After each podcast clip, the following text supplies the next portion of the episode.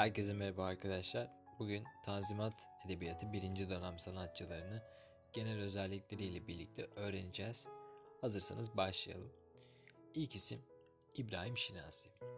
Arkadaşlar İbrahim Şinasi deyince aklımıza ilklerin adamı olduğu gelecek. Çünkü gerçekten kendisi edebiyatımızdaki e, Tanzimat Edebiyatı'ndaki ilklerin çoğunun sahibidir. Aynı zamanda kendisi ilk defa yurt dışına da gittiği için e, bavulunda dönerken pek çok tür getirmiştir. Roman, öykü, tiyatro gibi türler getirmiştir İbrahim Şinasi. Şimdi İbrahim Şinasi deyince anahtar kelimelerimiz şunlar. Batı etkisindeki Türk edebiyatının yani bizim konu başlığımız olan da Tanzimat Edebiyatı'nın kurucusudur arkadaşlar. E, bu noktada İbrahim Şinasi'ye değinelim bakalım. İlklerin adamı olarak biliniyor. Burada zaten hemfikiriz. E, ilklerini de birazdan saydığımızda siz de hak vereceksiniz neden ilklerin adamı dendiği için İbrahim Şinasi'ye. Kendisinin e, hani demiştik ya öykü ve tiyatro onun dışında roman gibi türleri ülkemize kazandırmıştır diye. Buna istinaden bir tane tezat bir durum var.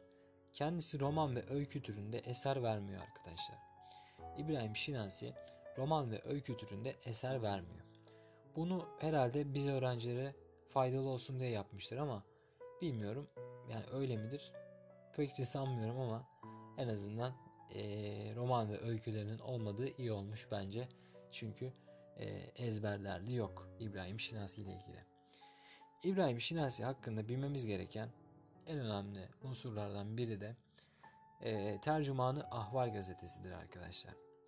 Tercümanı Ahval gazetesi Agi Efendi ile birlikte çıkardıkları ilk özel gazetedir. E, bu gazetede aynı zamanda ilk makaleyi yayınlamıştır kendisi. Tercümanı Ahval mukaddimesi olarak. Şimdi ilklerden söz ettik. O zaman ilklerine bakalım. İbrahim Şinasi'nin ilklerine bakalım neymiş? Batılı anlamdaki ilk tiyatroyu yazıyor. Şair evlenmesi. Fakat tiyatro yazıyor ama tiyatro nedir? Hani oyuncuların çıkıp sahnede oynadıkları oyundur değil mi? Fakat Şinasi bu tiyatroyu oynanmak için değil, okunmak için yazıyor arkadaşlar. Bu yüzden e, batılı anlamdaki ilk tiyatro örneği diyoruz biz buna. Sahnelenen tiyatro değil. Sahnelenen tiyatro Namık Kemal'in Vatan Yahut Silistre adlı tiyatrosudur. Şinasi, şair evlenmesi tiyatrosunda aynı zamanda edebiyatımızda daha önce hiç görülmeyen bir şeye daha imza atıyor. Nedir bu? Noktalama işaretleri. Arkadaşlar noktalama işaretlerini o dönem duyan bilen yok. İbrahim Şinasi yurt dışına gidiyor ve gelirken noktalama işaretlerini de yanında getiriyor ve şair evlenmesi eserinde noktalama işaretlerini de kullanıyor. Onun dışında diğer bir ilki kendisinin de e, çok iyi bir çevirmen olduğunu biliyoruz. E, çeviriler yapıyor arkadaşlar. Fabul örneklerini çeviriyor ve aynı zamanda edebiyatımızda e, ilk fabul türünün yani batılı anlamdaki ilk fabul örneklerini veriyor İbrahim Şinasi. İbrahim Şinasi'nin eserlerine baktığımız zaman da ilklerini söyledik. O zaman bir de eserlerine bakalım. Eserleri arkadaşlar şair evlenmesi tiyatro eseri zaten. Ee, bir de çevirisi var. Şiirler yazıyor İbrahim Şinasi. Öykü ve tiyatro, e, öykü ve roman yazmıyor. Şiirlerinde de tercümanı, tercümanı Manzume adlı şiirleri vardır kendisinin. E, burada da şiir e, tercümeleri yapıyor. Aynı zamanda Şinasi'nin dediğimiz gibi şiirleri olduğu için de şiirlerini topladığı bir de eseri var. Müntehabatı Eşar adlı bir eseri vardır İbrahim Şinasi'nin. İbrahim Şinasi ile ilgili bilmemiz gerekenler bunlar arkadaşlar. Kendisinin e, klasisizm akımına bağlı olduğunu, edebiyatımızdaki ender görülen klasizm akımına bağlı olan sanatçılardan biri olduğunu, toplum için sanat yaptığını ve arz ölçüsü kullandığını bileceğiz arkadaşlar. Onun dışında İbrahim Şinasi ile ilgili çok fazla bir şey bilmemize gerek yok. Zaten bütün her şeyi verdik diyelim. E, geçelim arkadaşlar bir diğer e, yazarımıza, şairimize. Hemen geçiyorum. Bu isim Namık Kemal arkadaşlar. Namık Kemal yani ciddi anlamda edebiyatımızdaki en önemli isimlerden biri. Ben Namık Kemal duyunca e, vatan diyorum. Çünkü kendisi vatan şairimizdir.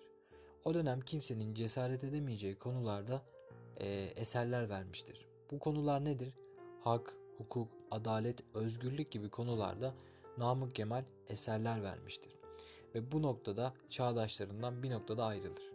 Aynı zamanda Namık Kemal ilklerle de meşhurdur. Nasıl ki Şinasli diyorsak hani ilklerin adamıdır diye Namık Kemal de yine ilklere sahip olan bir adamdır. Bu ilklerden söz edecek olursak da ilk edebi roman olan İntibah'ı yazmıştır. Onun dışında ilk tarihi roman olan Cezmi'nin de yazarıdır Namık Kemal.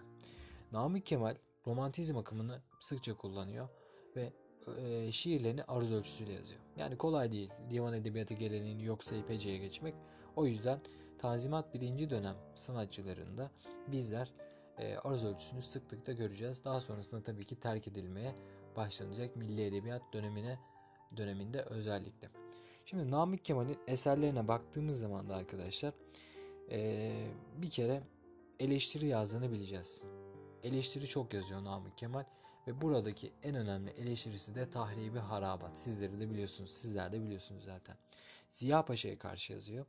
Yani Ziya Paşa harabatı yazdıktan sonra kendisi çıkıp e, Ziya Paşa'yı eleştiren tahribi harabat yazıyor. Harabatın hikayesini anlattıktan sonra neden bu eseri yazdığını da anlayacaksınızdır arkadaşlar. Onun dışında romanları var. Romanlarını zaten söz ettik. İkisi de ilkler arasında İntivafi ve Cezmi. Namık Kemal'in bir de tiyatrolarıyla ünlü arkadaşlar. Tiyatrolarıyla gerçekten çok ünlü. Ee, sahnelenen ilk tiyatro örneği kendisi veriyor. Vatan yahut Silistire tiyatrosuyla. Onun dışında Celalettin Harcamşah, Akif Bey, Zavallı Çocuk, Gül Nihal ve Karabela gibi e, tiyatroları bulunduğunu da bilmemiz gerekiyor Namık Kemal'in.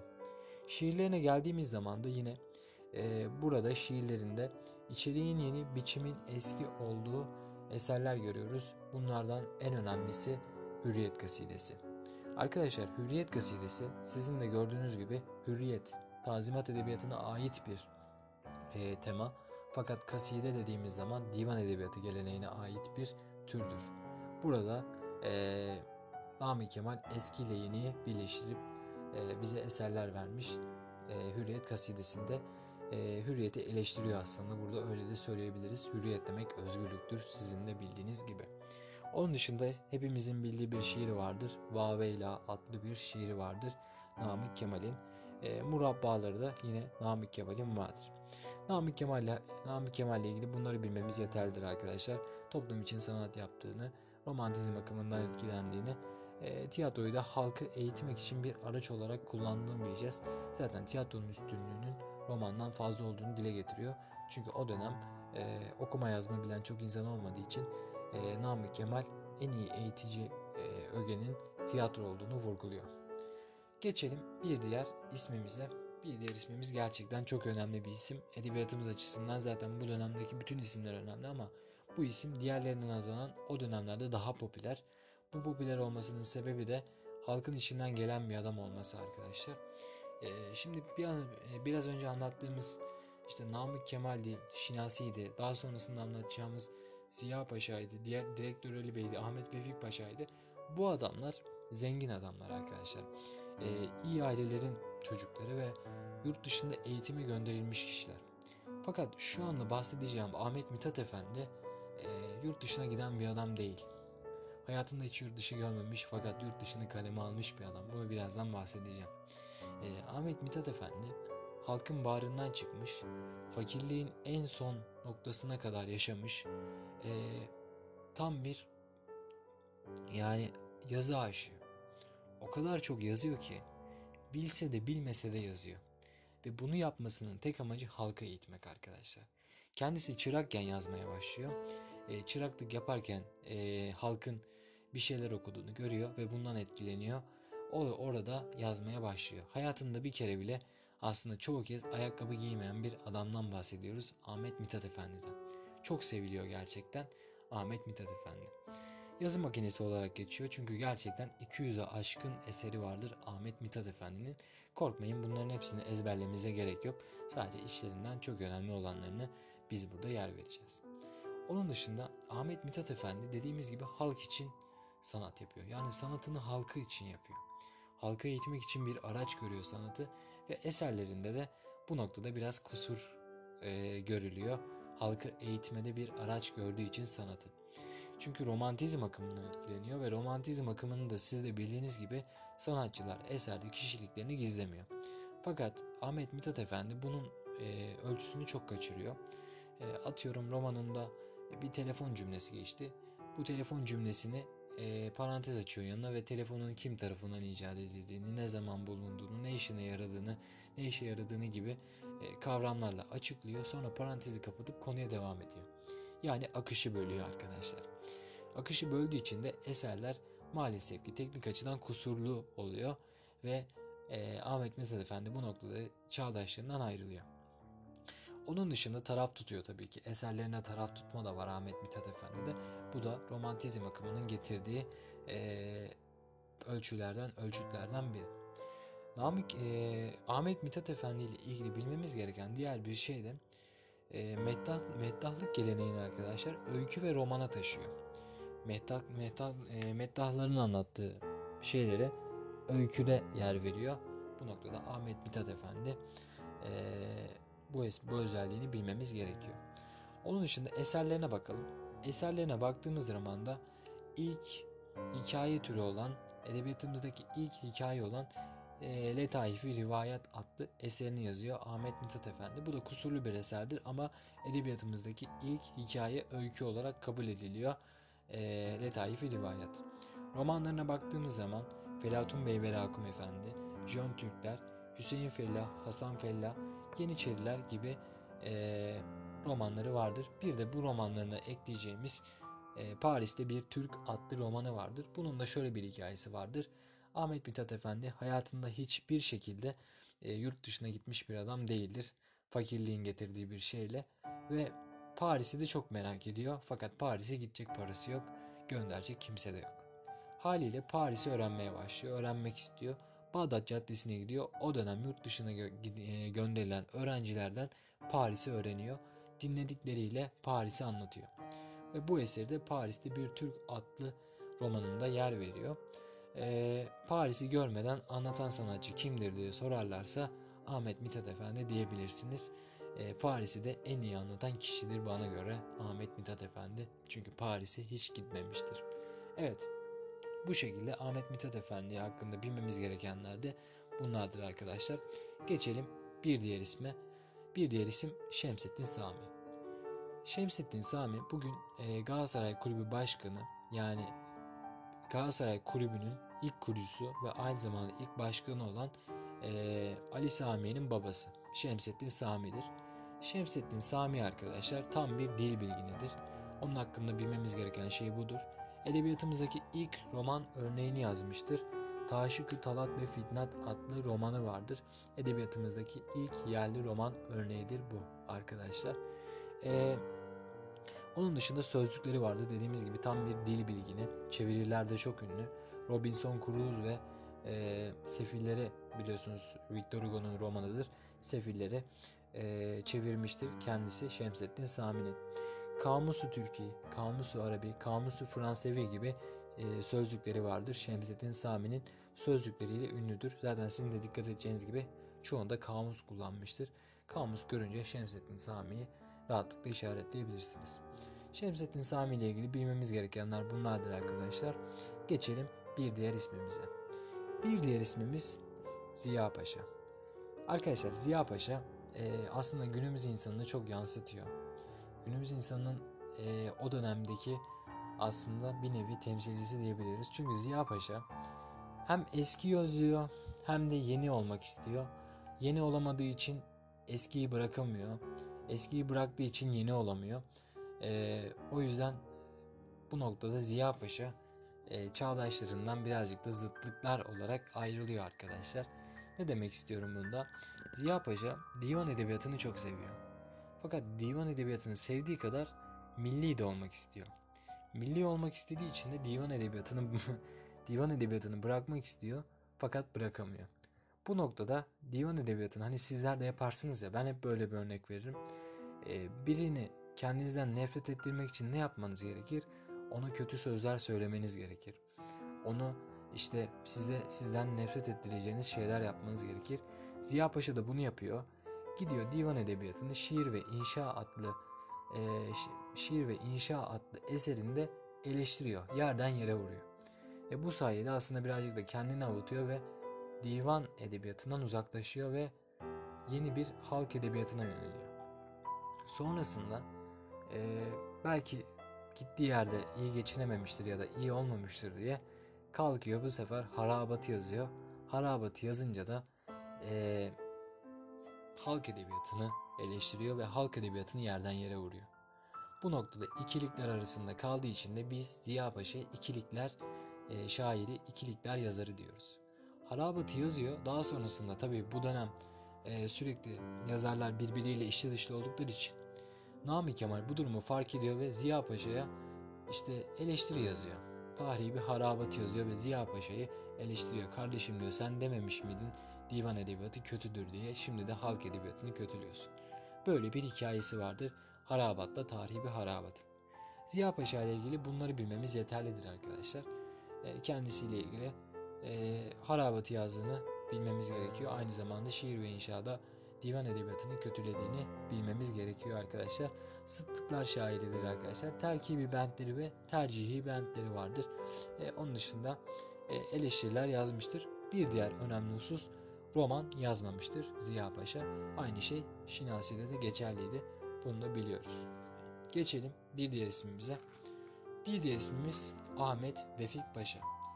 Arkadaşlar Ahmet Vefik Paşa e, deyince aklımıza Molière'den çeviriler yaptığı gelecek. Gerçekten önemli çevirilerdir bunlar. Ahmet Vefik Paşa için. Türk Edebiyatı için de çok önemli çevirilerdir Molière'den çeviri yapması. Onun dışında realizmin bir getirisi olarak halk dilini yansıtmıştır. Kendisi gördüğünüz gibi o dönem dilin e, tanzimat sanatçısı olmasına rağmen tanzimat birinci dönem sanatçısı olmasına rağmen realizm akımından etkilenmiştir Ahmet Vefik Paşa.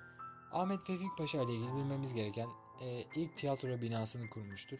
Aynı zamanda e, oyunlarının bazılarını direkt uyarlama olarak almıştır. Kendisi işte başkalarından görüp uyarlayarak edebiyatımıza getirmiştir. Ahmet Vefik Paşa. Ahmet Vefik Paşa ile ilgili bunları bilmemiz yeterlidir arkadaşlar. E, tiyatro örneklerine bakmamız e, önemlidir.